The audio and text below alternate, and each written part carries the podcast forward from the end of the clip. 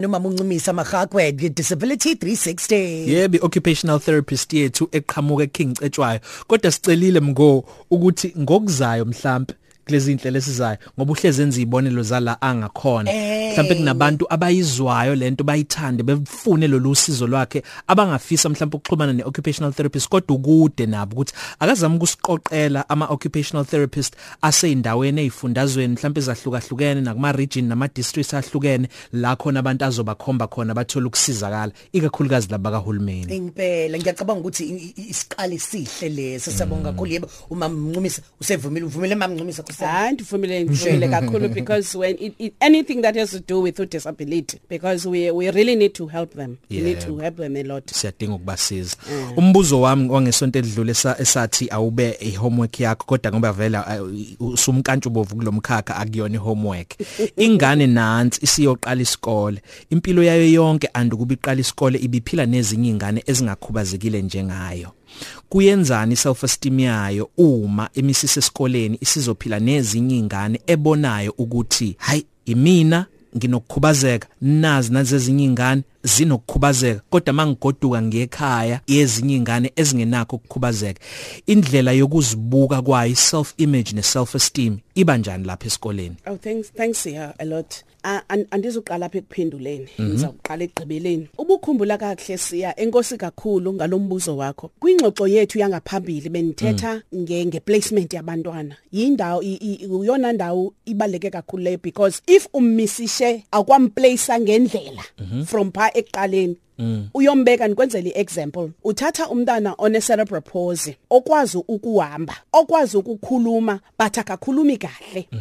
Uya ueducable lo mntana uyakwazi ufunda icolors uyakwazi ufunda ama numbers but ke ngoku lo mntana aka akakwazi ukuthi aye ku mainstream because i curriculum yasemi ya ku mainstream iyashesha for yena.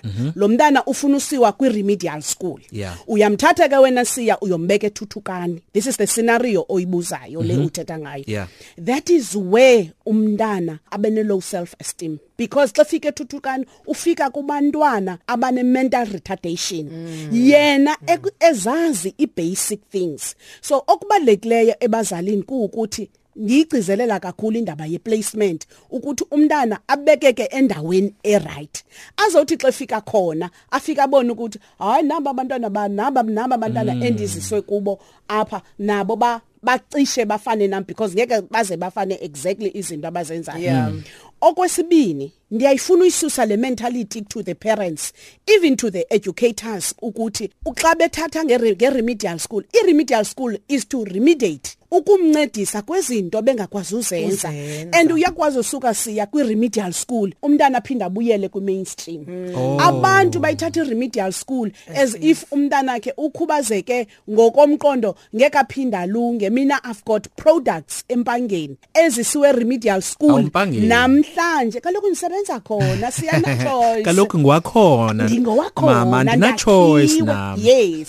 So i i i, i abasuke ku remedial baya ku mainstream and baze baphasa matric ku mainstream so into is all about ukuba ngaba umphose kwi placement akaplacewa kahle kwi placement that's where ebulala i self esteem yomntana.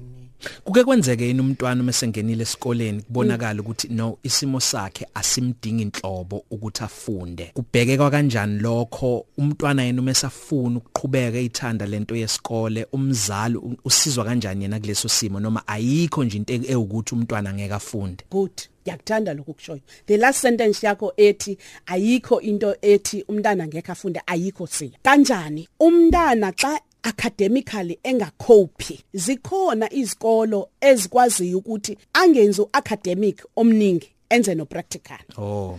The unfortunate part yezo zikolo siya are limited in KZN mm. and akukwazeki umntana uku- uku- ukumfaka kwezo zikolo at an early age mm. uyabona akhule eqala abo grade R bakhe in a school where i think i government iyona nto seyifanele manje iweke kuyona ukuthi let us have that those those centers ezizobenzisa abantwana kanjalo because ekugcineni lamntana uya ku mainstream afike ku mainstream aphushwe aphushwe aphushwe. Aphushwe kuthi maze ufika ku grade 7 abasazi ukuthi mabamsephi.